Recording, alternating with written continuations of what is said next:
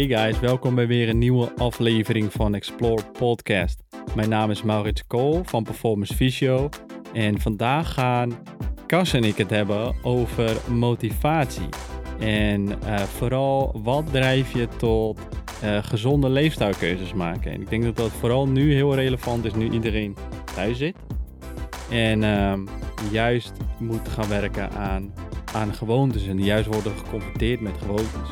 Maar voordat we gaan beginnen, um, Cas, wil je de luisteraars iets over jezelf vertellen? Zeker, dankjewel voor het mooie intro. Uh, mijn naam is Cas Adrichem. Uh, ik ben personal trainer en naast het geven van personal training uh, ben ik ook docent lichamelijke opvoeding. En doe ik nu, ik ben net een jaar van de academie af. En ik denk dat ik nu al zeven jaar binnen de fitnesswereld werk als trainer, personal trainer, strength conditioning coach. En uh, ja, zodoende met uh, ervaring en uh, dingen die we tegenkomen, wil ik graag met jullie het hebben over motivatie, want dat vind ik vrij interessant. Ja, want jij in, in de voorbereiding wou je het heel graag hebben over motivatie. En ja, vroeg me eigenlijk af waarom, wat jouw motivatie is om het te hebben over motivatie. Ik vind het, ik vind het bijzonder om al te zien wat, wat drijft een persoon om te handelen uh, om te maken van gezonde leefstijlkeuzes. Maar wat drijft de persoon te komen bij jou als trainer? Uh, om, ze hebben een doel en waarom hebben ze dat doel? En wat, dan zit, ben ik altijd op zoek naar de waarom-vraag achter het doel. Hè. Iemand kan 5 kilo willen verliezen, of spiermassa willen opbouwen, of sneller willen worden, et cetera. Maar de vraag is altijd, ik vind het belangrijk waarom. En dat is voor mij een vorm van ja, motivatie bij de persoon die ze dan echt delen. Terwijl ik heb eigenlijk niet, niet echt iets aan te zeggen, ik wil vijf kilo kwijt, want dat vind ik mooi. Of want ik ben te zwaar, daarom moet ik dat doen. Nee, de vraag is altijd waarom, weet je wel. Uh, sommige mensen die zijn er altijd heel open en eerlijk over. En dat is voor mij ook uh, mooie, uh, dat vind ik altijd mooi om te horen, want dat is voor mij ook een soort knop waar ik op kan drukken als bij de mensen de motivatie wat minder is. Wat, wat, voegt, wat voegt het waarom dan voor jou toe als trainer? Waar, de, wat de waarom toevoegt is meer, kijk, als ik een, uh, een, nieuwe sporter heb die komt uh, sporten, of uh, die van mij training wilt, en die zegt, ja, als ik wil hoog kunnen springen, want dat heeft te maken met dat ik dat heel cool vind. En dus ik dan vraag, oké, wat, maar wat maakt dan dat je het zo cool vindt? Nou, zeg ja, ik ben freerunner en ik heb een, een, een, een, handeling in mijn hoofd dat ik van dak 1 naar dak 2 moet springen. Kijk, dan, hè, dan kan ik hem daarop pushen van, hé, hey, dat was je doel. En dat is de motivatie om tot het doel te komen. Dus daar gaan we voor trainen. En als hij dan uh, een beetje inzakt en uh, ja, slap komt doen, ja. dan kan ik hem weer daarmee motiveren van nee, weet je nog, je hebt dat doel. Ja. Uh, van dak 1 naar dak 2 en dan gaan we voor. Oh, Oké, okay, dus jij, jij kan het waarom dan beter gebruiken om iemand zijn motivatie weer aan te wakkeren als, ja. hij, als hij weer een soort van inkakt. Ook, en ik denk dat, ik, dat je als trainer en uh, ook als docent, want ik zie het ook bij mijn leerlingen, dat je veel beter kan levelen met de personen. Want dan zit je op een emotioneel niveau met elkaar. En dan heb je ook in mijn ogen een betere band. En dan kan je dingen met elkaar delen. En daarmee bouw je ook een, uh, ja, een bepaalde uh, vriendschap is een groot woord, maar relatie op tussen trainer en sporter of docent en leerling. En dat heeft alleen, ja, ik, ik zie daar veel beter resultaten uit voortkomen. Ja, dat, dat kan ik me zeker wel voorstellen. Um, nou werk ik natuurlijk met hele andere doelen dan, uh, dan waar jij mee werkt. Qua uh, wat mensen willen bereiken. Uh, voor ons is het vaak wel echt um, revalidatiedoelen. Maar ik denk dat um, gros van zorgverleners ook wat meer achter het waarom kunnen zitten bij wat, wat, wat wil iemand bereiken en, en waarom zou hij het bereiken. Ja.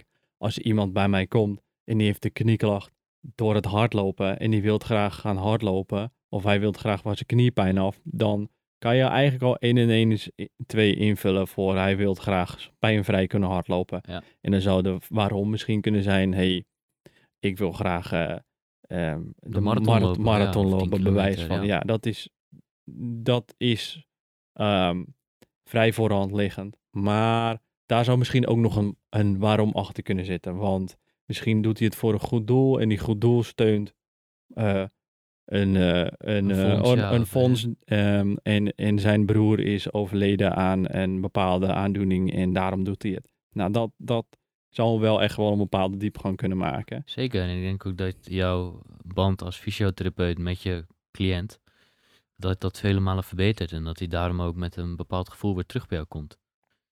Eh, omdat je niet alleen eh, behandelt, maar ook omdat je met een bepaalde, een bepaalde band hebt op emotioneel vlak. Ja, Ik vind dat wel belangrijk. En we vergeten soms, vaak zijn we doeners. eh, iedereen die in de beweegwereld zit, zijn, we zijn vaak doeners van het moet zo, op, op, op. Maar er zit ook nog een stukje psychologie achter, of een bepaalde een stukje mentaal. hè. En dat is belangrijk om dat ook mee te nemen. Dat wordt soms wel vergeten. ja, dat zie je nu wel, zeker in de, in de fysio en in de medische wereld. Is er gaat heel, eh, eh, zeg maar, mensen stappen nu steeds meer af van alleen het biomedisch model en gaat meer naar de biopsychosociale model Ja.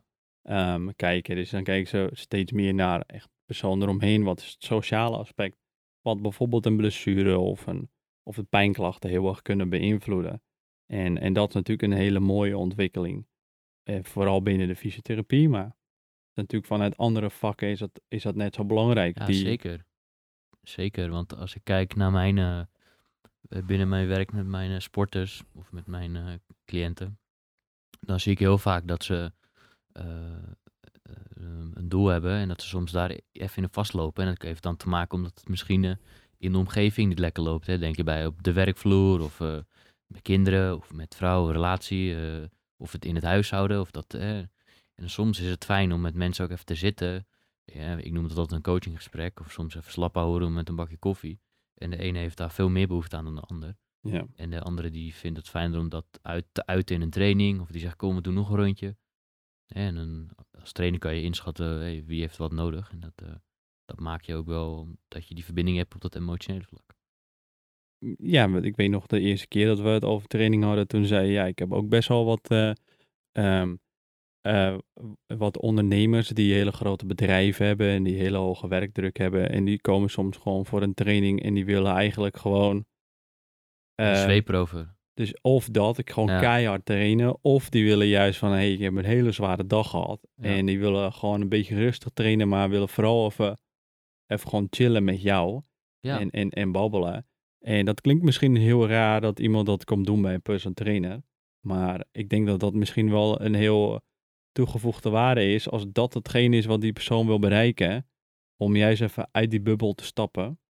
ja, ook om eh, bepaalde druk denk ik te verlagen. Ik heb inderdaad wat je zegt, een aantal eh, sporters die eh, gro- grote bedrijven hebben, grote ondernemers.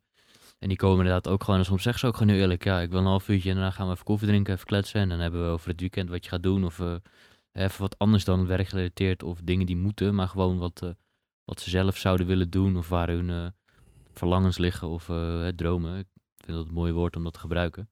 Ja. Eh, dat is altijd super mooi om, eh, om te doen. En ook wel heel erg, heel erg, eh, hoe zeg je dat? Haal je die passie van ze weer naar boven. Zeker, en het is heel erg goed voor, voor- het stukje mentaal. Ja, Wat weer invloed heeft op, de, op het fysieke werk. ja. Dus 1 en 1 is 2.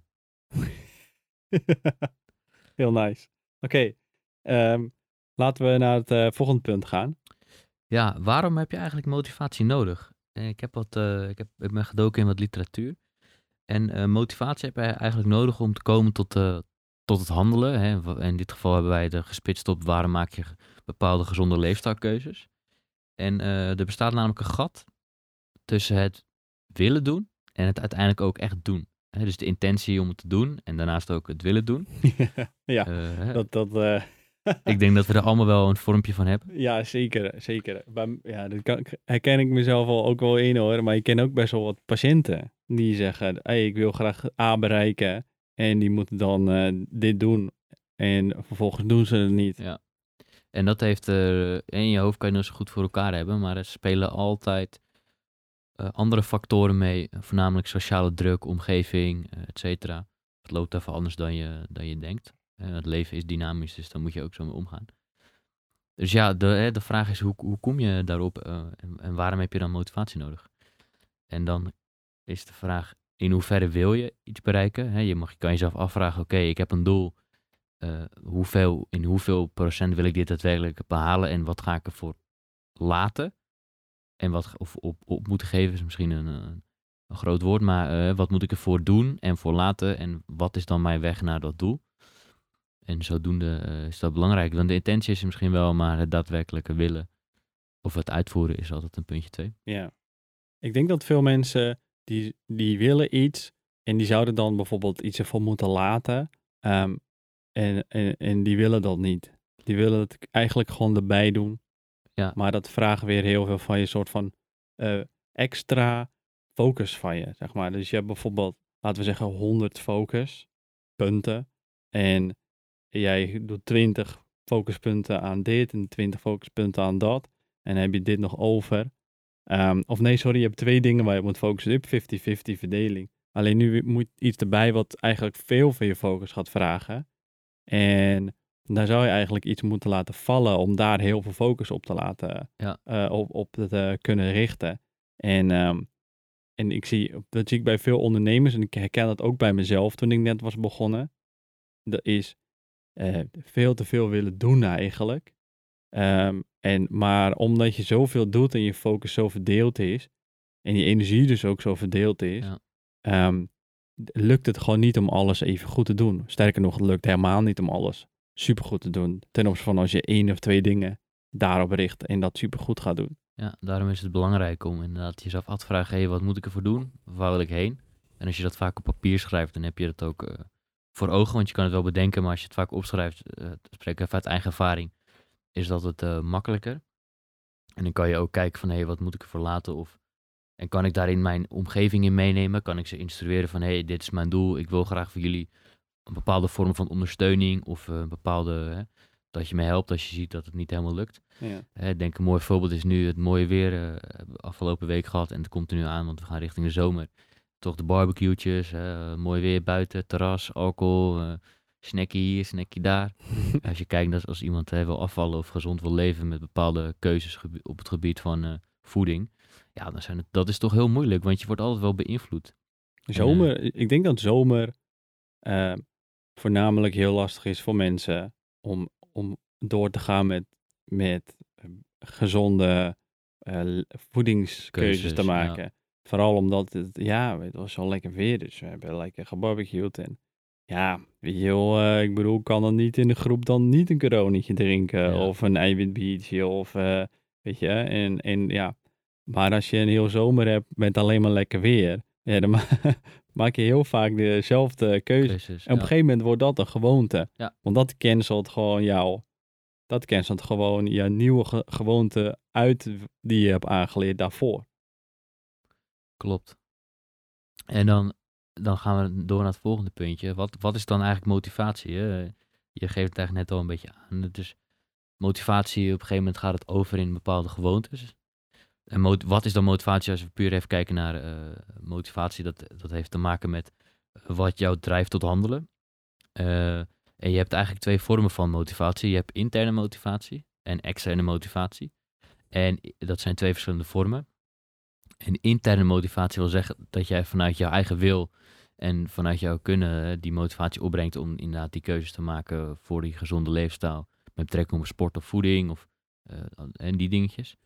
Maar het kan ook bijvoorbeeld zo zijn dat jij eh, een afspraak of eh, je gaat trouwen en dan is dat noemen we dan een vorm van externe motivatie. En dat je omdat je gaat trouwen wil je per se in je trouwpak passen en heb je een bepaald idee welke maat het moet zijn of hoe dat eruit moet zien.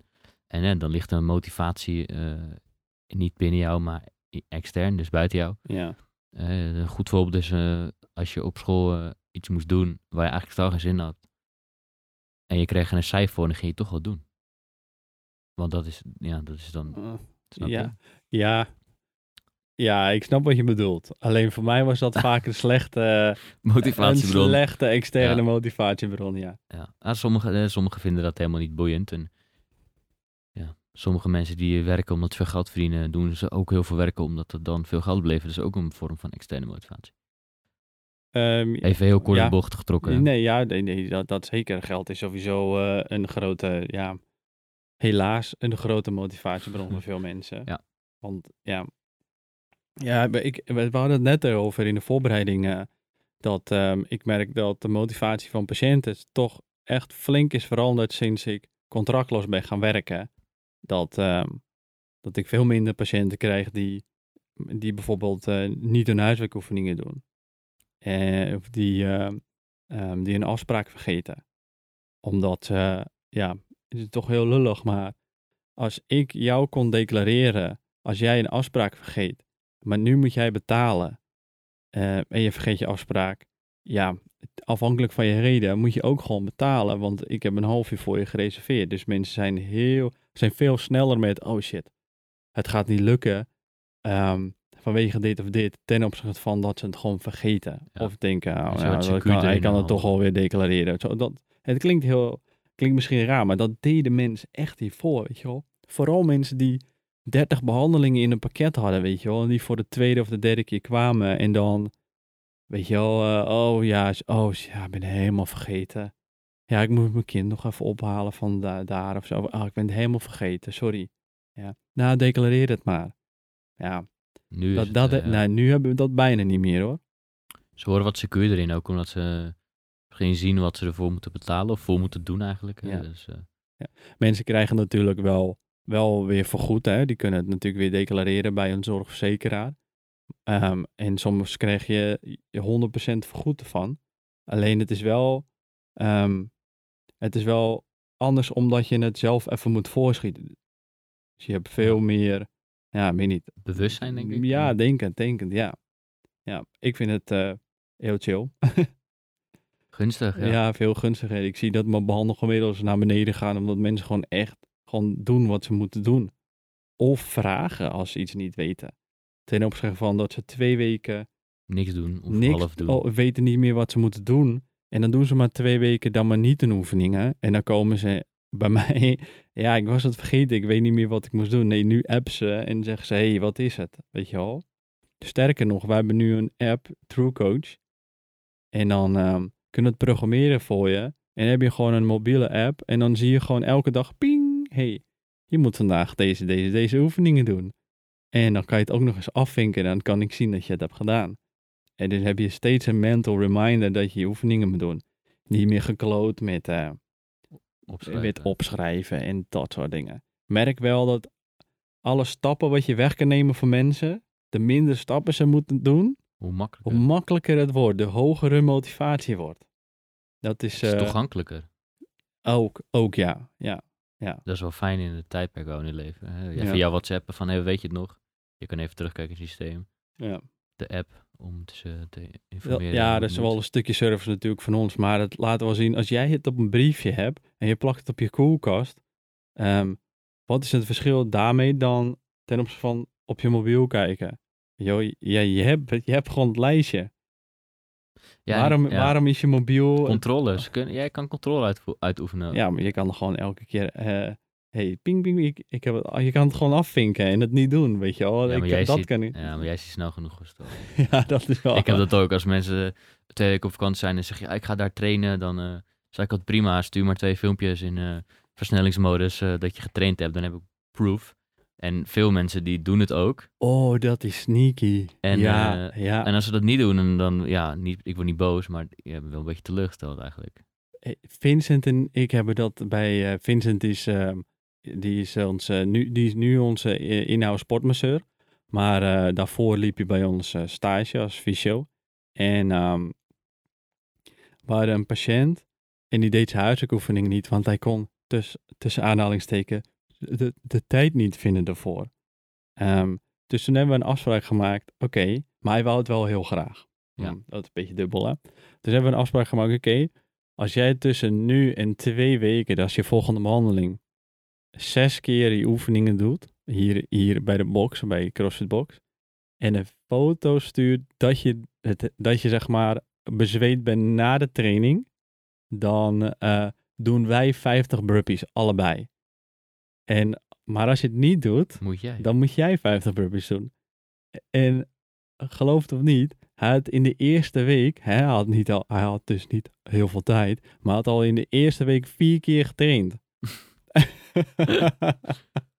En hè? de tweede week had hij weer vier keer getraind. En wij moesten dus eh, al, eh, 50 burpees doen.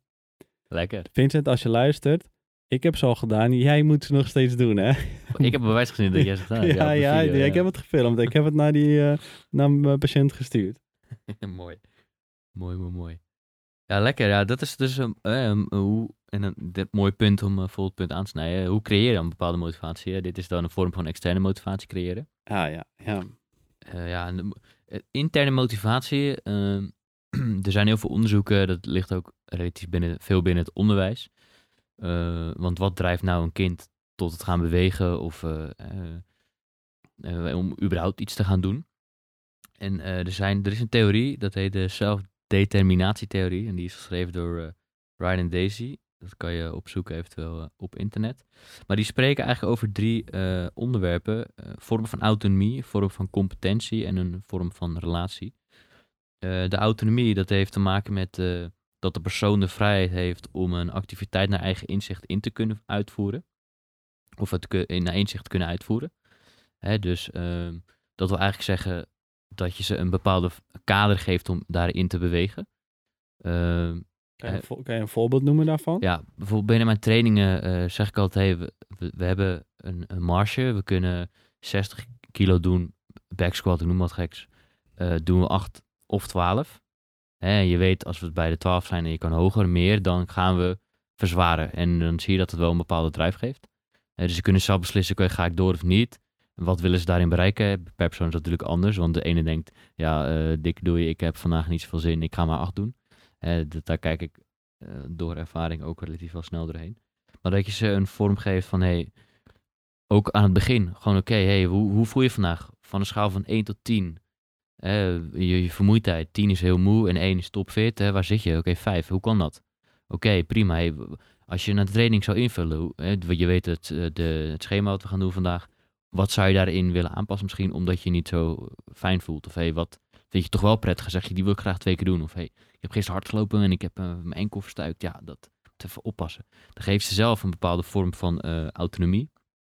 Hoe werkt dat? Hoe werkt dat bijvoorbeeld voor, eh, stel, ik schrijf een schema voor een patiënt en die patiënt gaat zelf daarmee aan de slag. Want nu zeg je, nu zeg je, je geeft iemand, ehm, je geeft iemand, die la- laat je zeg maar zijn gesteldheid, zijn fitheid eh, beoordelen met een cijfer van tevoren als hij met jou gaat trainen. En dan ben jij degene die met hem babbelt ehm, wat hij gaat aanpassen. Maar stel nou dat ik gewoon jou een schema geef en jij gaat met die schema aan de slag. Hoe werkt dan die vorm van motivatie? Ehm, dan kan hij bepaalde, hij kan zelf er invloed uit- uitoefenen. En dan kom je weer terug bij het, doel wat diegene heeft. Als dit geval een patiënt van is die eh knieklachten heeft. En die na een eh, voorste kruisband eh, weer een potje wil gaan voetballen met zijn vrienden. Dan eh, geef je hem schema en na die twee komt hij weer terug. Dan gaat hij dat thuis doen. Want hij kan invloed uitoefenen op zijn herstel. Waardoor hij dus sneller kan voetballen. Snap je? Dus hij heeft zelf invloed op zijn herstel in dit geval. Nou, dus dan ja. ligt het net even anders. Daarnaast competentie. Een gevoel van competentie. Dat betekent dat het vertrouwen moet zijn in het eigen kunnen. In dit geval, hè, als je kijkt naar, misschien een heel mooi voorbeeld, naar die patiënt met die eh, voorste kruisband. Dat die überhaupt weer kan bewegen. Heeft hij het gevoel dat hij zelf weer zijn oefeningen kan doen. Of dat hij überhaupt weer een balletje kan hoog houden. Ik noem wat geks. Of kan dribbelen daarin.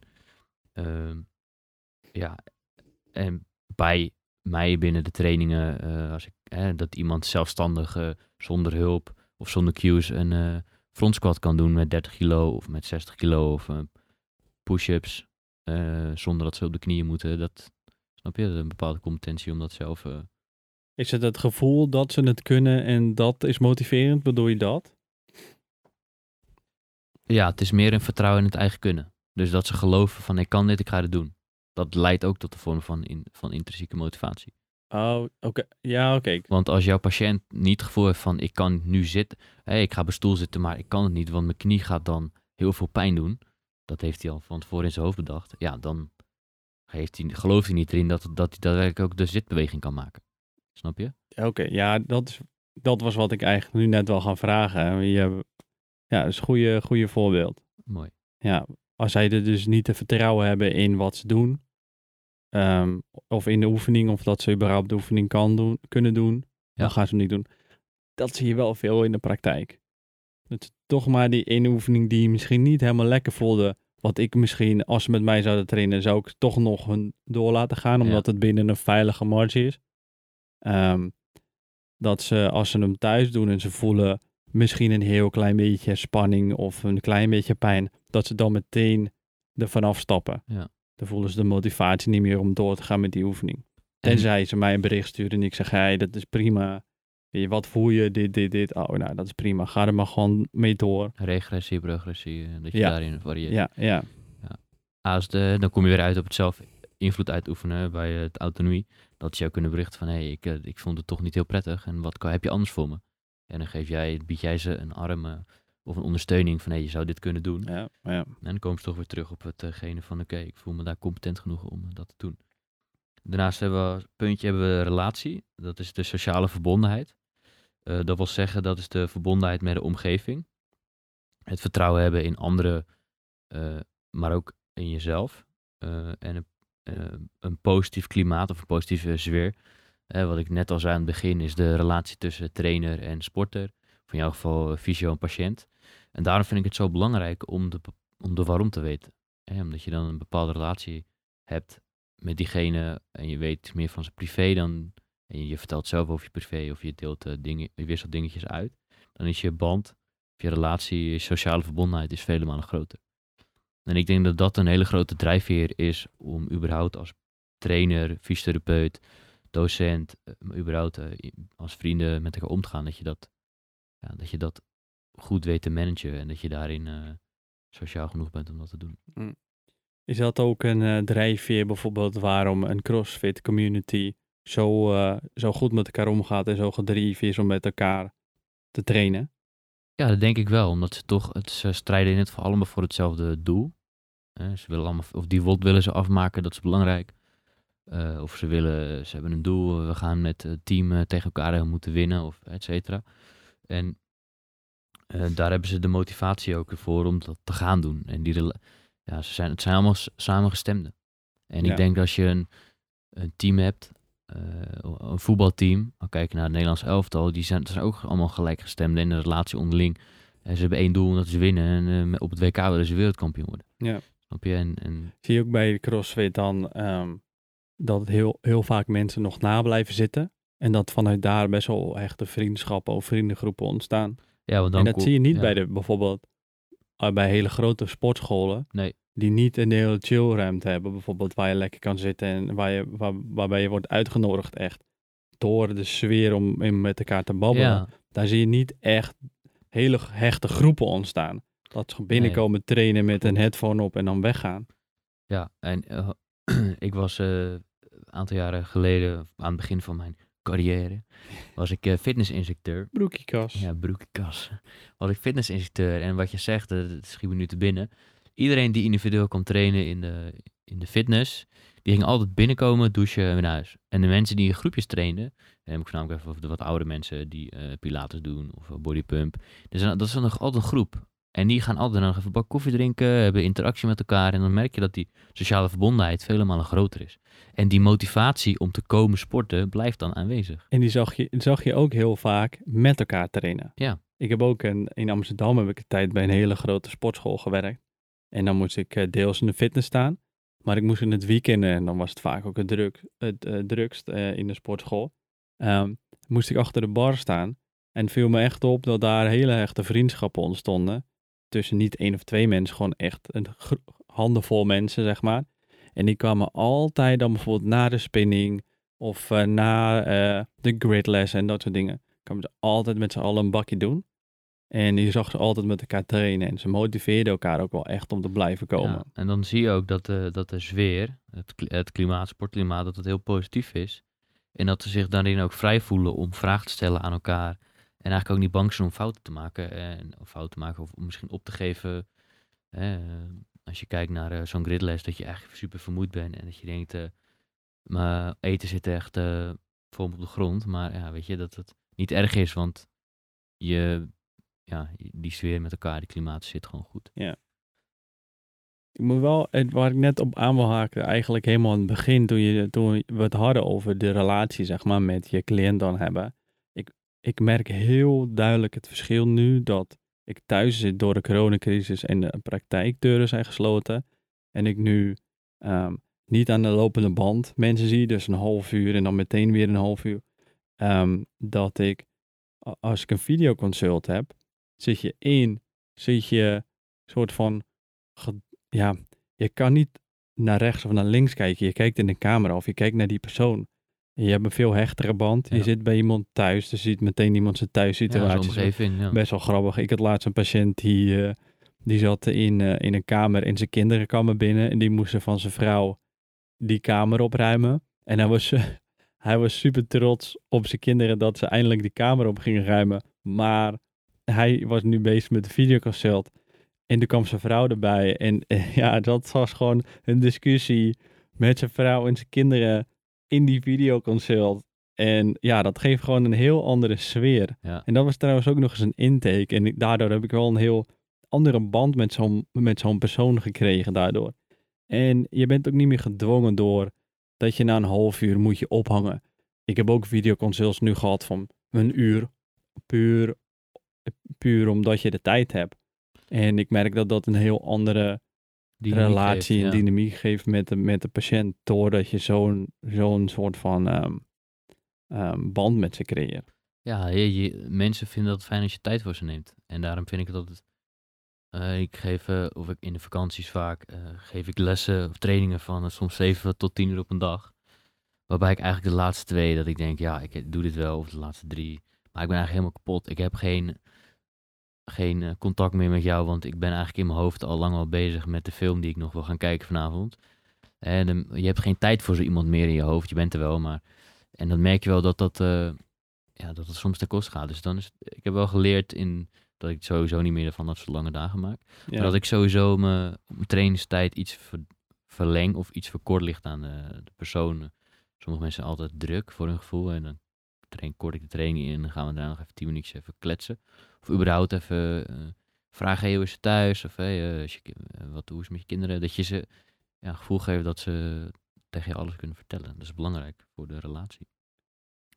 Kijk maar naar vriend, vriendschappen. Ja, I- i- Als jij ergens mee zit, wil je bij je vrienden een verhaal kwijt. Maar soms, soms zitten mensen met thuisproblemen.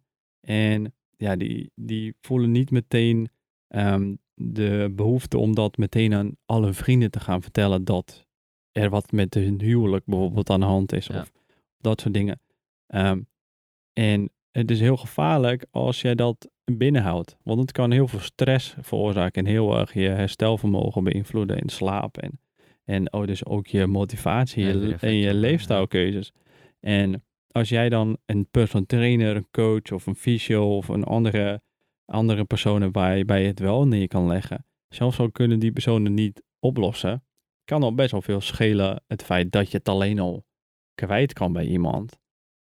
En, ja. Is en dat het, ja, Dus het feit dat ze dat voelen, zeker. dat is alleen maar mooi. Het klinkt misschien heel raar, dat- dat je, want je zei net, ja, ze moeten op een gemak voelen om alles kwijt te kunnen. Dat klinkt als zo'n, ja, zo'n... eh, Gaat er maar liggen, patiënt. Ja, weet je wel, zo'n, ja, precies. Zo- Zoals dat, ja. ja, ja, ja, maar, maar het is juist iets heel moois. En het kan, op, als je het op de juiste manier toepast en iemand gebruikt het ook, en maakt er ook gebruik van, kan het echt heel veel impact hebben op iemand zijn motivatie of stressvermogen of eh, stressgehalte en herstelvermogen. Doe me denken, leuk dat je dit aansnijdt. Doe me denken aan, eh, je hebt het dan net over mensen die dan vertellen of ergens anders komen. En daarin soms mm, makkelijker kunnen vertellen dan aan hun vrienden. Ik heb een eh, Mino gedaan, eh paramedische zorg. En dan heb ik een stage gelopen in het ziekenhuis in Amsterdam. En daar liep ik mee met eh, een fysiotherapeut en, eh, of therapeuten en een aantal eh, eh, revalidatieartsen. En het is altijd grappig, want als ik op de afdeling kwam, ik liep dan op de oncologie en hematologie. Eh, op een gegeven moment wisten de patiënten, die kwamen dan een aantal, lagen een aantal weken of lagen langere periodes. En ze wilden altijd even met mij kletsen, want ik had ondanks dat wel een witte jas aan. En ik ging altijd wel met ze bewegen, maar ik ging ook gewoon de normale dingen met ze bespreken. En ze vonden het fijn om even te horen van nou, en ook veel mensen die dan echt eh, ook in Amsterdam wonen, maar ook daarbuiten van oh ja, hè, waar kom je vandaan? Dat je gewoon even de normale ja, eh, praatje pot hebt. En dat vinden ze hartstikke fijn. Dan ze, zijn ze even ontsnapt aan hetgene waar ze dan zijn, de realiteit. Hè? Ja, ook. Ze voelen zich ook gehoord en geholpen. Zeker, hè, dat is belangrijk. Eh, kijk maar naar hoe huisartsen vroeger, eh, vroeger in, in hun community bezig waren.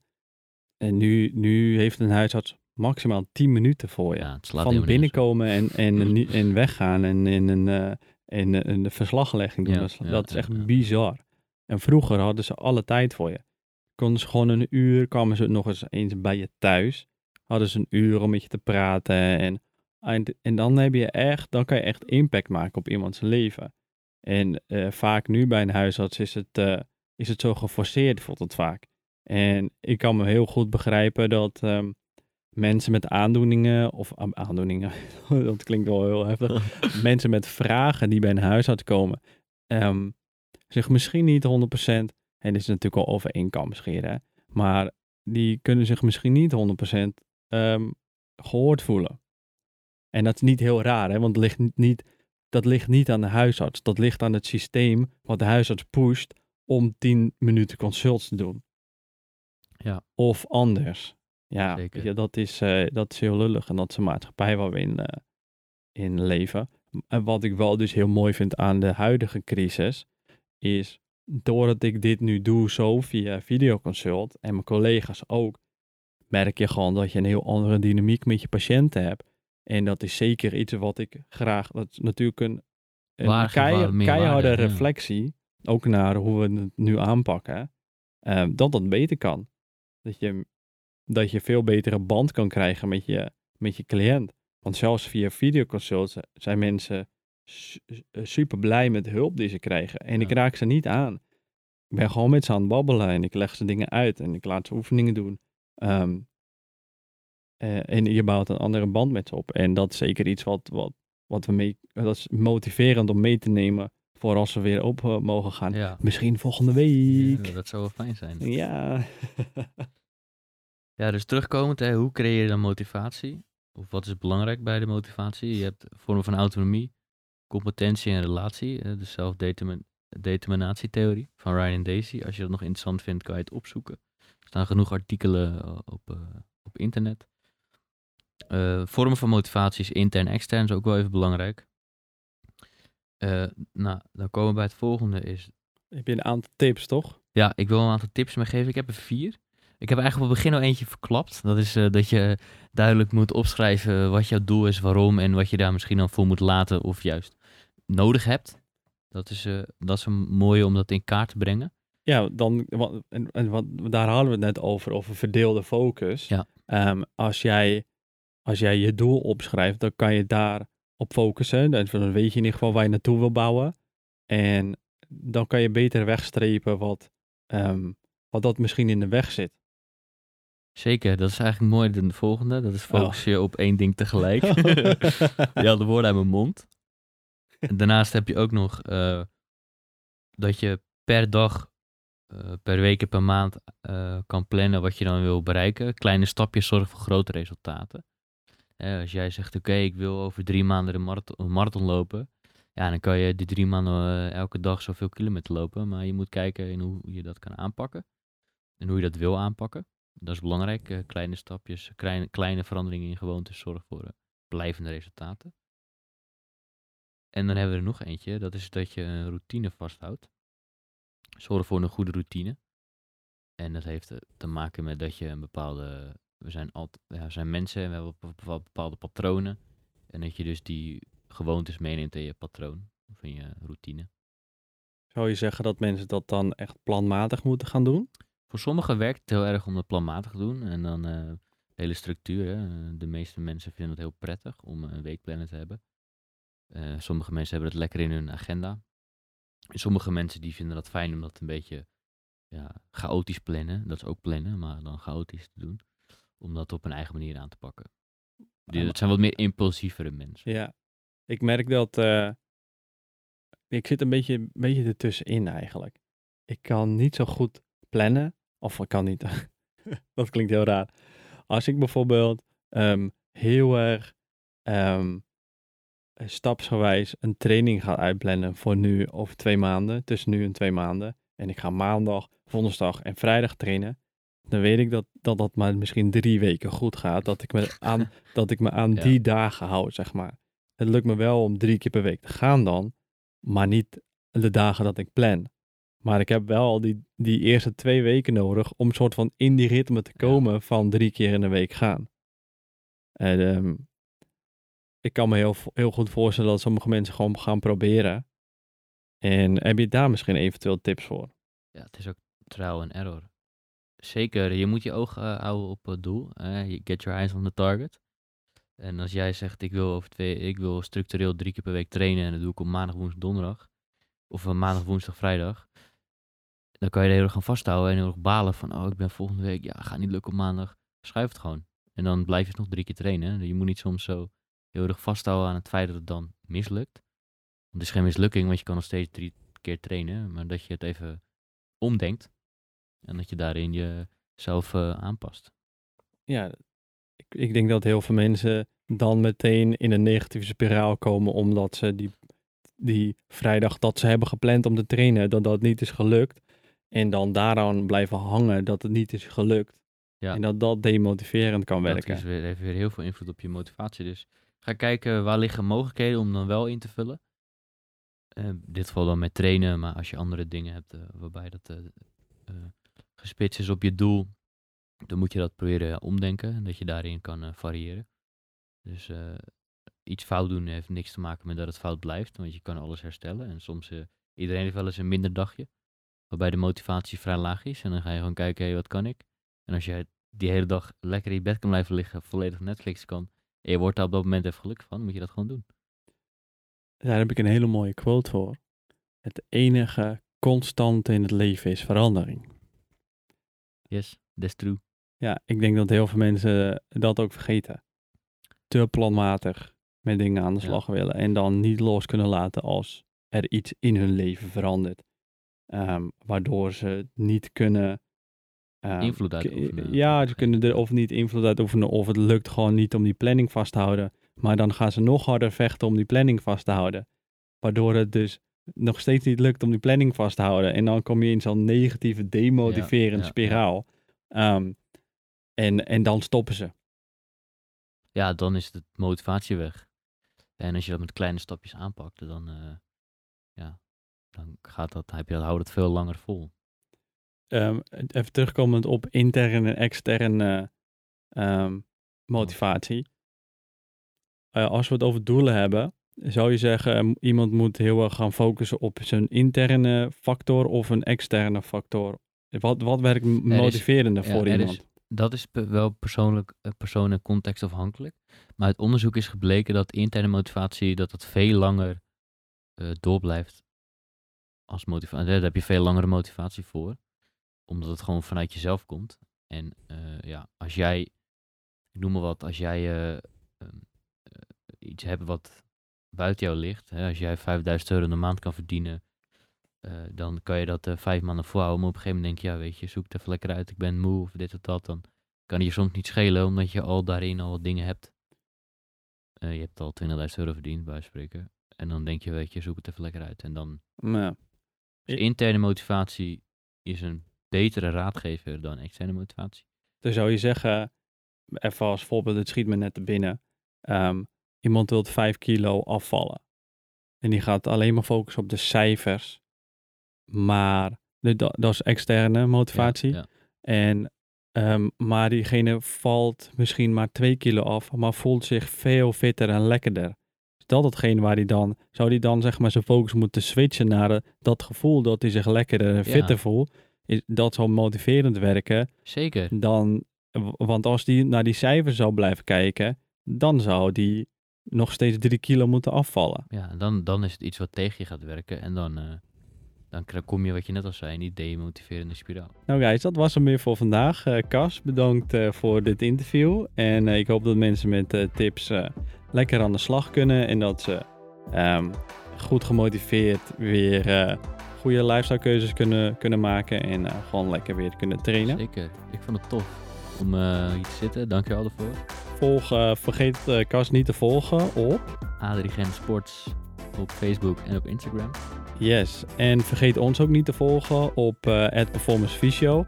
Daar kan je eventueel ook nog in de direct messages of onder, een, onder het bericht van de aankondiging van deze podcast... kan je je vragen stellen of een comment of je kan mensen taggen en uitnodigen om naar deze podcast of deze aflevering te luisteren.